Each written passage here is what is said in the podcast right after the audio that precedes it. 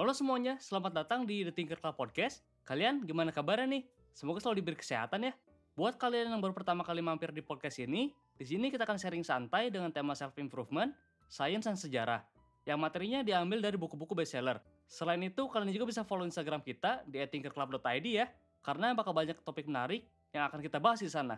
Dalam episode kali ini, kita akan ngebahas buku dengan judul Sapiens, A Brief History of Humankind, karya Yuval Noah Harari. Rencananya buat buku ini gue mau split jadi tiga episode.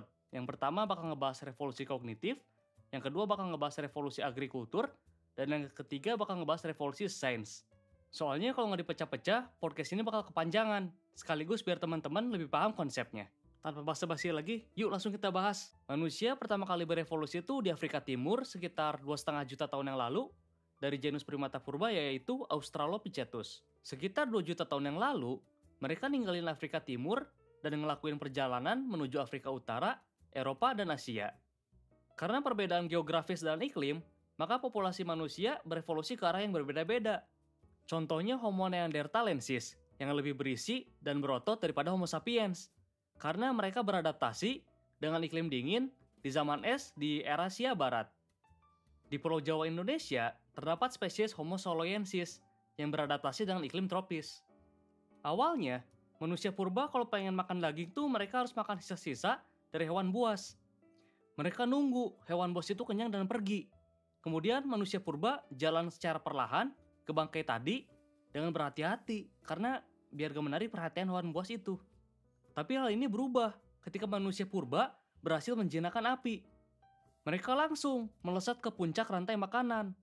Karena berhasil menjinakkan api, manusia jadi punya sumber cahaya dan senjata yang mematikan buat ngelawan makhluk buas yang mengancam. Selain itu, manusia purba dulu tuh suka sengaja ngebakar hutan. Pas api mati, mereka memanen binatang-binatang, kacang-kacangan, serta umbi-umbian yang sudah hangus ke panggang karena pembakaran hutan tadi. Dengan penjinakan api, juga ngebuat manusia purba tuh jadi punya skill memasak. Masak-memasak ini ngebunuh kuman sama parasit yang ada di makanan, dan juga memangkas waktu makan, karena makanan yang udah dimasak tuh jadi punya tekstur yang lembut, sehingga lebih mudah dikunyah. Sehingga manusia purba cuma butuh waktu satu jam buat makan, dibandingkan dengan simpanse yang butuh 5 jam sehari cuma buat kunyah makanan. Banyak ilmuwan yang percaya ada kaitan langsung antara kemajuan masak-memasak dengan memendeknya usus dan pertumbuhan otak manusia. Karena manusia tuh punya usus yang panjang dan otak yang rakus energi, sehingga bakal sulit buat mempertahankan keduanya. Dengan memperpendek usus, yang otomatis nurunin konsumsi energinya, tanpa disadari ngebuka jalan buat berkembangnya otak Homo neanderthal dan Homo sapiens menjadi lebih besar. Kemudian, menurut kalian, apa yang bakal terjadi saat Homo sapiens mendarat di Arabia dan sebagian besar daerah Asia lainnya, yang di mana daerah itu tuh udah dihuni oleh spesies manusia purba lainnya? Buat ngejawab pertanyaan ini, ada dua teori yang berlawanan satu sama lain, yaitu teori kawin campur sama teori penggantian. Dalam teori kawin campur, yang di mana terjadi kawin silang antara spesies manusia purba. Kalau hal ini yang terjadi, maka orang-orang Eurasia sekarang tuh bukan Homo sapiens murni, dan orang Asia Timur itu merupakan campuran dari Homo sapiens dan Homo erectus. Sedangkan dalam teori penggantian, menceritakan kisah yang berbeda, yaitu tentang ketidakcocokan dan pembantaian massal. Tiap spesies manusia purba ini punya sedikit, bahkan gak ada ketertarikan seksual dengan spesies manusia purba lain. Bahkan, jika Homo neanderthal dan Homo sapiens kawin, hanya akan menghasilkan keturunan yang tidak subur, karena jembatan genetika yang tidak bisa diseberangi gara-gara faktor evolusi. Terus, kalau spesies manusia purba lain gak melebur sama Homo sapiens, kenapa mereka punah? Salah satu kemungkinannya adalah Homo sapiens mendorong spesies manusia purba lain tuh menuju kepunahan.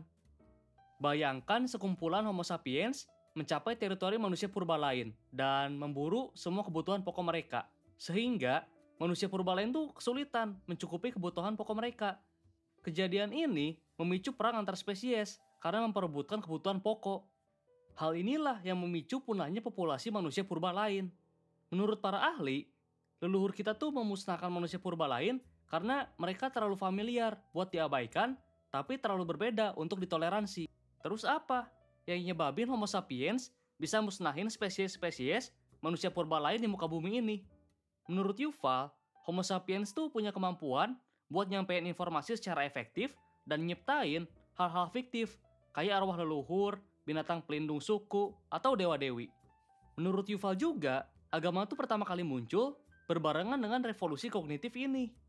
Kita nggak bakal bisa ngeyakinin simpanse buat nyerahin pisang mereka dan ngejanjiin pisang yang terbatas di surga setelah dia mati. Mitos-mitos seperti itulah yang ngebuat Homo sapiens tuh punya kekuatan buat bekerja sama secara efektif dan fleksibel dengan jumlah yang sangat besar. Semut sama lebah juga bisa bekerja sama dengan jumlah yang besar, tapi sangat kaku dan berdasarkan kekerabatan. Simpanse bekerja lebih fleksibel dari lebah dan semut, tapi mereka cuma bisa ngelakuin kerja sama dengan jumlah yang sedikit. Mereka cuma mau bekerja sama dengan simpanse yang udah ngelakuin kegiatan berbarengan. Contohnya kayak berburu bersama, makan bersama, atau grooming bersama sebagai kegiatan yang bisa memperkuat ikatan kelompok. Selain itu, para peneliti mengatakan bahwa ada batas tegas ukuran kelompok yang bisa dibentuk oleh simpanse. Dua simpanse yang belum pernah bertemu atau belum pernah hunting bareng atau nggak pernah grooming bareng tuh nggak bakal bisa bekerja sama dan saling percaya.